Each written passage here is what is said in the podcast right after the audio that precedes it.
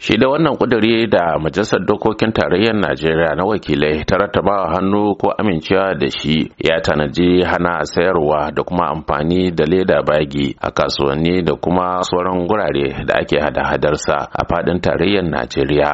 Yan majalisar dai sun bayyana cewa sun ɗauki wannan mataki ne domin kare muhalli da ake ƙoƙarin yi ba ma kawai a najeriya ba har ma sauran ƙasashen duniya musamman idan aka yi la'akari da illar da leda ke haifarwa ga ƙoramai da tafkuna da kuma ƙasa. Yanzu dai wannan doka na bayanin cewa duk wanda aka samu ya karya wannan doka na amfani da leda a najeriya to za a ci shi tara na kusan rabin miliyan na naira. Ko kuma a tura shi gidan yari domin zaman kaso na shekaru uku ko kuma a haɗa masa taron da kuma ɗauri. Haka su ma kamfanoni masu sarrafa ledan za a ci su taron naira miliyan biyar. To koya masu amfani da ledar suka ji game da wannan doka da 'yan majalisar dokokin najeriya suka amince da shi?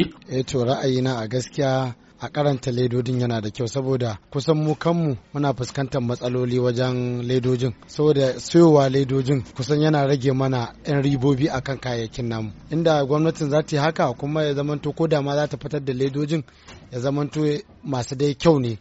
Kuma a san kamfanonin da ya zamanto za a san wanda za su yi kayan ledoji masu kyan to hakan yayi to sai dai kuma wasu masu sarrafa ledan suna mai cewa za su shiga wani hali na kakani kayi kamar da malam ibrahim mai leda ya shaida man.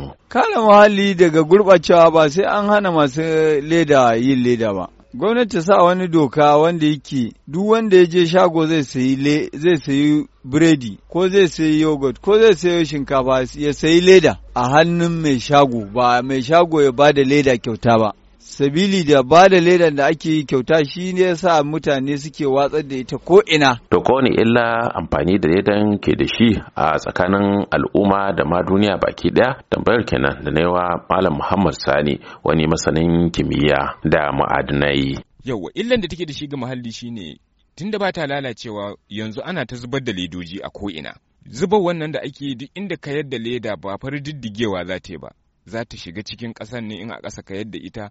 Sanadari ko yanayin yadda ƙasar take tsare yadda Allah ya tsara ta in wannan leda ta shiga ciki tana canja shi tana gurɓata shi. In kuma ba a ƙasa ta faɗi ba ta faɗi ne a magudanar ruwa ko wasu gurare yawanci in ka dubi magudanan ruwa zaka tarar cewa lejoji suke cunkushe su. Musamman duk ran da aka yi wani ruwa mai ƙarfi in ka dubi yanda magudanar ruwa ke cushewa da wanda ba ma da bola da shara suke cushewa ba da ledojin suke cushewa tunda ledojin ba narkewa suke ba. To wannan ya kawo ya hana ruwan guje tafiya kuma ya tsaya kuma ita gwamnati ba kwashewa za a yi a ce an kwashe ledojin don a yi wani abu da su ba. In an kwashe su dai still za a sake zubarwa ne. Ledar yau da ka san an yi amfani da ita shekara biyar shekara bakwai takwas goma in ka je wataƙila inda take yanzu ka kwashi ƙasar wajen ka duba scientifically za ka tara har yanzu ledar tana nan bata diddige ba yanzu dai idan har aka fara amfani da wannan doka da yan majalisar wakilan suka amince da shi to la shakka za a kawo ƙarshe ko rage amfani da leda a sassa daban-daban na Najeriya abin da kuma masana kimiyya suka yi ittifakin cewa na ɗaya daga cikin illolin da yanzu haka muhalli ke fuskanta a duniya baki ɗaya. Babin Jibrin,